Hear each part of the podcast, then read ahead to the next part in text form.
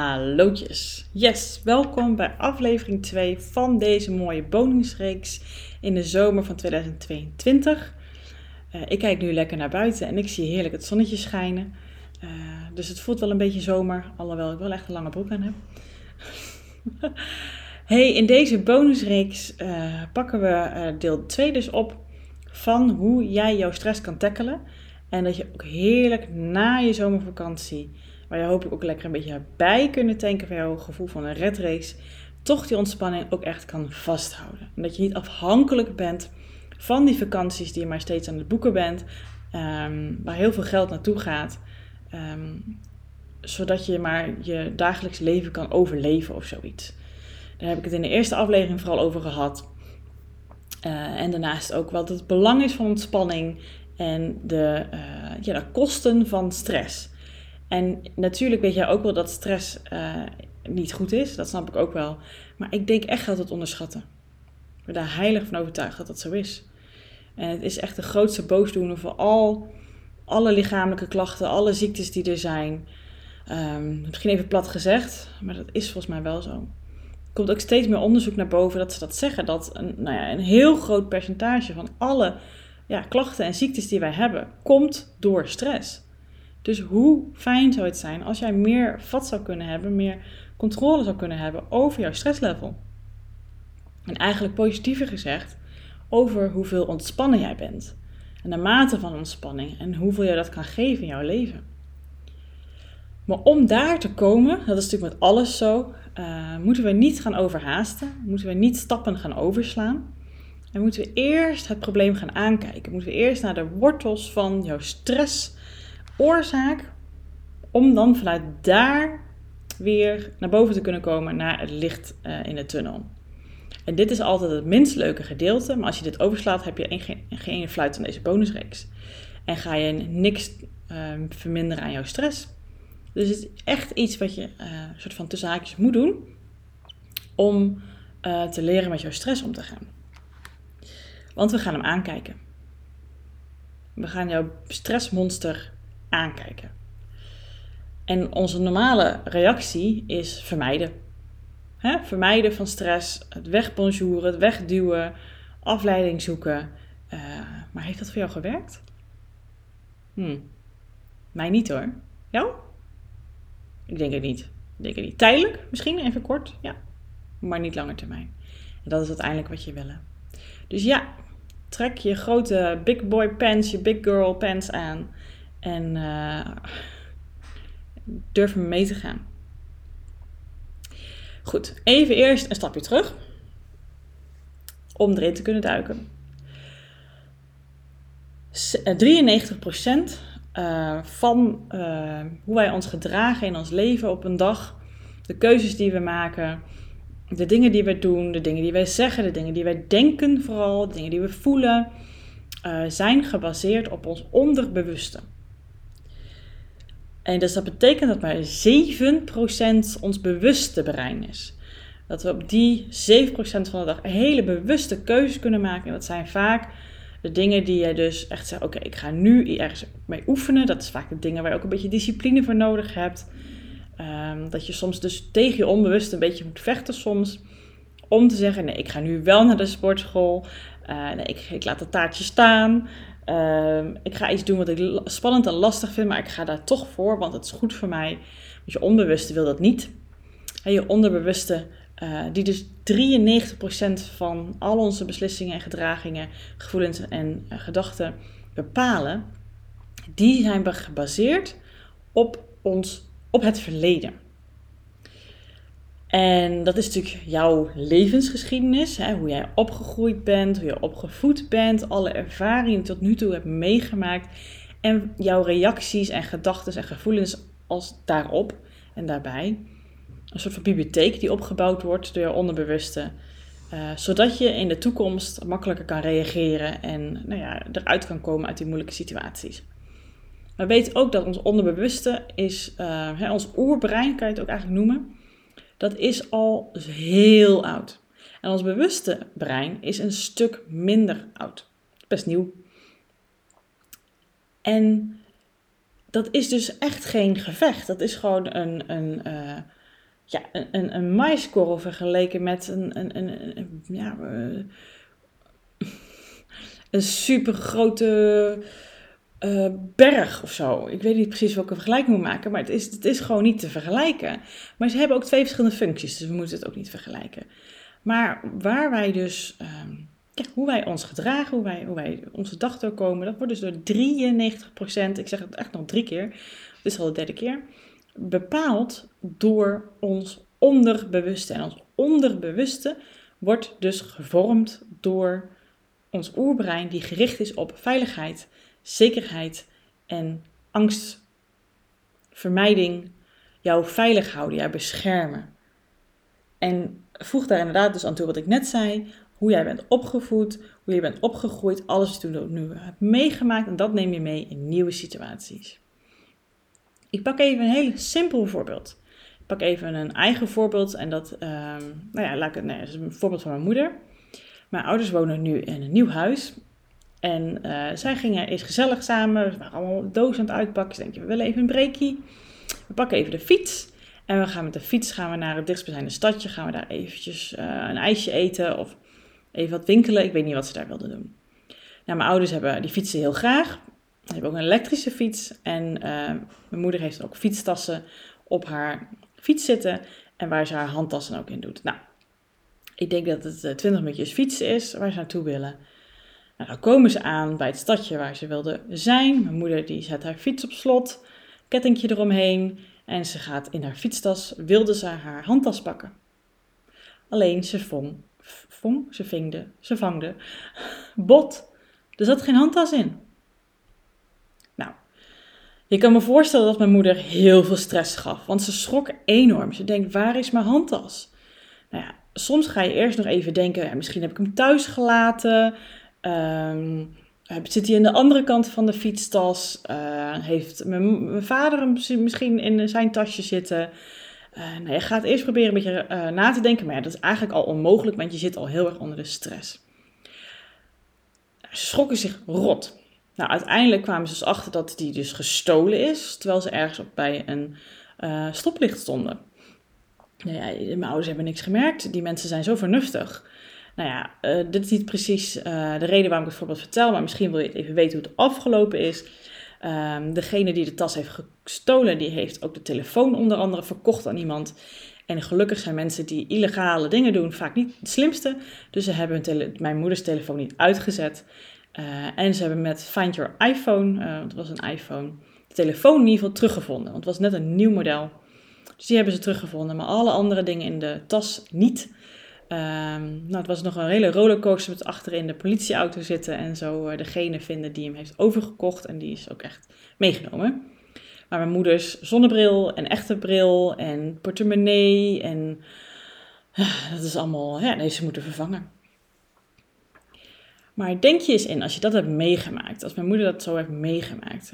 En ze belde me avond, die avond ook nog op en ik merkte aan haar dat ze nog helemaal, ja, onder de stress zat, nog helemaal in die emoties zat van, dat, uh, van die ervaring, negatieve ervaring zoals zij dat ervaren hebben. En ik vroeg ook, uh, ja, een week later sprak ik haar weer en toen zei ze wel van ja, ik vind het nu heel spannend om weer te gaan fietsen. Uh, en dan dus mijn fietstas, daar mijn handtas in te doen.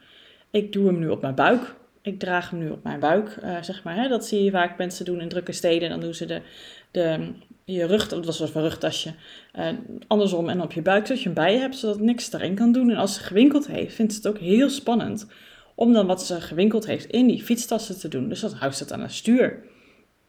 Nou ja, dat is best wel lastig sturen allemaal. Hè? Zit allemaal in de weg, dat klotst tegen je, tegen je knieën aan. Uh, zit iets raars op je buik. Iedere als je hem afstappen, is dat, nou, klopt dat ook zo tegen je buik aan. Dat is heel onhandig. Maar ja, door die stress, door die ervaring, durft ze niet meer. En dat is hoe het onderbewuste werkt. Er is een negatieve ervaring geweest en je onderbewuste, je oerbrein, wilde alles aan doen, zodat jij niet weer dat meemaakt. Die probeert jou enorm te beschermen. En iedere keer als zij die fiets pakt of haar fietstassen ziet, um, ja, of de oude reactie van de handtas in de fietstas te doen en denk, oh nee, dat kan niet, nee, want wat als, hoe, hoe. Ja, er zit gelijk zoveel spanning en stress op en druk bij haar Dat ze daar dus nu anders mee om moet gaan. Het, het haalt de lol er helemaal uit en ze zit gewoon de hele tijd gespannen op die fiets. Nou, en zo'n enkele ervaring heeft dat hele fietsen van haar, voor haar gevoel helemaal verpest. En nu vindt ze het gewoon heel moeilijk om dat weer te gaan doen. Terwijl ze er zo van houdt om te fietsen. En ze is zo vertrouwend naar mensen toe. En altijd heel aardig en lief. Maar ja, dat vindt ze nu spannend. Als ze nu bij een stoplicht gaat wachten. Want we denken dat daar gebeurd is. Dat ze om zich heen gaat kijken van oeh. Weet je wel. Ook al heeft ze die, fiets, die tas op haar buik. En heeft ze al die tassen met inkopen aan haar sturen. Aan haar stuur hangen. Ja, dan nog. Oeh, spannend hoor.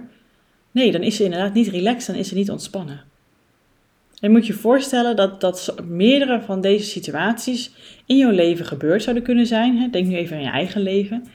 Die jou in mindere of meerdere mate stress hebben gegeven. En dus nieuwe situaties die erop lijken, dan hebben gevormd hoe je reageert. Dat je dus dan anders zou doen, anders zou reageren, anders zou denken en anders zou voelen.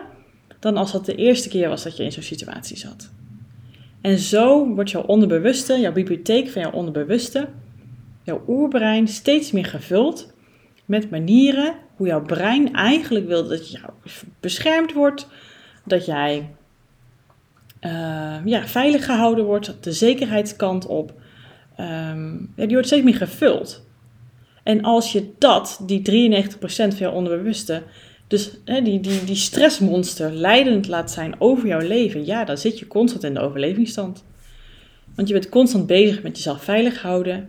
En dan ben je niet gespannen, of dan ben je niet ontspannen, je bent juist heel gespannen. En constant onder de stress. Maar omdat we daaraan wennen, we wennen eraan dat dat gevoel er is. En dan kan je soms misschien een keer een massage hebben of inderdaad op vakantie gaan. En na, ik heb dat ook vaak, vaak na een paar dagen dat ik opeens denk... Oh, oh ja, zo voelt echte ontspanning. En dan denk je, kak, ik heb dus eigenlijk de hele tijd in spanning gezeten. En die constante spanning is dus die overlevingsstand waar heel, maar dan ook heel veel mensen en waarschijnlijk ook jij veel in zitten. En dat voorbeeld wat ik net gebruikte van die tas van mijn moeder, dat is dus gewoon maar één voorbeeldje. Maar ja, we leven onze dagen.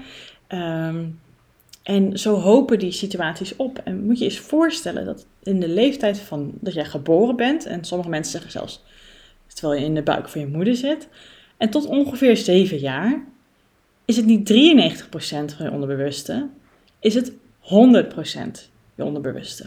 Want je hebt gewoon nog niet je brein verder ontwikkeld om dat bewuste brein erbij te hebben. Waardoor je soms wel echt door, die, door het onbewuste heen kan kijken en kan denken: nee, dat slaat nergens op. Ik ga niet iedere keer dat er een, tas gejat wordt. Dat is niet elke keer dat dat gebeurt. Dat is gewoon één keer een situatie geweest. Het gaat niet. Kon, nee. Maar tussen je 0 en 7 jaar is dat er niet. Dus je bent echt een spons. En je wordt enorm gevormd door de mensen, vooral de vijf mensen, die het meest bij jou zijn. En die je opvoeding bepalen en jouw manier van naar jezelf kijken en naar de wereld. En hoe jij liefde wilde krijgen. Maar daar gaan we de volgende aflevering over hebben. Van de mensen die er waren. En dan ging je aanpassen. Want je wilde liefde, veiligheid en bescherming. En zo vormt het onderbewuste zich. En zo is dus iedereen anders tussen haakjes geprogrammeerd in dat onderbewuste. Maar moet je je eens voorstellen dat van 0 tot 7 100% het onderbewuste is. Dus als kindje kan je dan niet denken van uh, nee, dat gaat de, de, volgende keer echt niet zo gebeuren, want dat is gewoon, hè, ik kan, je kan niet rationaliseren, je kan niet verder kijken, dat, dat, dat gaat niet. Je schrikt enorm en dan heb je een soort, ja, een, een, een, stressreactie erop waarvoor je de volgende keer denkt. Denk maar bijvoorbeeld aan als, als je een, eh, in het bos bent en je bent uh, als kindje en je bent um, verstoppertje aan het spelen achter de bomen. En dat gaat uh, ja, een paar keer goed. En op een gegeven moment uh, word je gestoken door een hele grote wesp. Maar had hem niet door. Want je was zo druk bezig met verstoppertje spelen. Maar je stond achter een boom en in die boom hing een wespennest. En ja, er waren al meerdere wespen eigenlijk, die allemaal prikten en stuitten. Want je zat aan die boom. En ja, zij schrokken, ze dachten, gevaar, danger, ook onder de stress. En ja, onder stress gaan, gaan wespen ook steken. En onder de stress gaat het kindje natuurlijk gillen en, en, en rennen en die wespen erachteraan. En ja, wat denkt hij? Gaat hij nog vaak achter een boom staan? Dat is best wel afhankelijk van verschillende factoren natuurlijk. Slaat misschien een beetje plat. Dat is afhankelijk van, ehm, ja, is, die, is dat kindje wel eens eerder door een wesp gestoken? Hoeveel wespen waren het? Hoe gevoelig is die voor wespensteken? Um, hoe reageren vooral de ouders erop dat het kindje gestoken is door de wespen? En um, ja, hoe zal een volgende ervaring zijn als het kindje toch, misschien toch nog ergens met aansporing van de ouders durft om achter een boom te gaan staan? Hoe die ervaring dan weer is. Dus het is van verschillende factoren afhankelijk. Maar kan je je voorstellen dat het kindje dat niet helemaal relaxed was? Vroeger stond weer achter een boom met verstoppertje spelen, of wel? Je denkt toch iedere keer, oeh, even kijken hoor, zit hier geen wespennest in? En als er dan iets vliegt, dan schrikken ze zich gelijk. En zo kan je dus heel je leven lang ja, bang zijn voor wespen. Terwijl ze, als je, zoals jij en ik ook weten, merendeels van de tijd niet steken. Dat doen ze ook echt alleen vanuit stress. Dus kan je je voorstellen, vooral dat die eerste zeven jaar van jouw leven zo bepalend zijn, maar ook echt de jaren daarna, omdat je dus 93% bepaald wordt door je onderbewuste. En je hebt maar vat op die 7% van je bewuste brein. En dat dus je onderbewuste zoveel invloed heeft op jouw stressgevoeligheid. Dat hangt dus helemaal af wat je mee hebt gemaakt in je leven en hoe jij en anderen daarmee om zijn gegaan. Dus het zou misschien al eens interessant kunnen zijn als je hier een verdiepingsslag in wil maken, om eens te zien bij jezelf: hey, wat zijn nou eigenlijk meestal situaties waar ik stress van krijg? Wat gebeurt er dan? Wat is eigenlijk de stressor hier in de situatie? En hoe ga je er meestal mee om? Wat is meestal jouw stressreactie? Wat is jouw overlevingsmechanisme in zo'n situatie? Want daar gaan we het de volgende keer over hebben. Ik zei toch, we gaan het stressmonster helemaal aankijken. Want als je dat echt helemaal doet, kan je leren hoe je met het stressmonster omgaat en wordt die kleiner en kleiner. Eerst gaat die stressmonster groot worden. Wat doen we er nu? De aandacht op te vestigen. En dan kabbelt hij zoals een golf verder in kleine golfjes en je hebt het overleefd. En dan is er licht aan het einde van de tunnel, want je kan omgaan met je stress en je hebt het stuur weer in handen van je eigen leven. Je hebt geen gevoel meer van die red race. Je hebt die vakantie niet nodig om bij te tanken. Er is geen drang daarna, omdat je dagelijks leven al veel meer ontspannend is. Maar om dat te kunnen doen, moet je het aankijken, aanpakken en niet vermijden. Dat gaan we dus ook in aflevering 3 doen. Tot dan, tot morgen.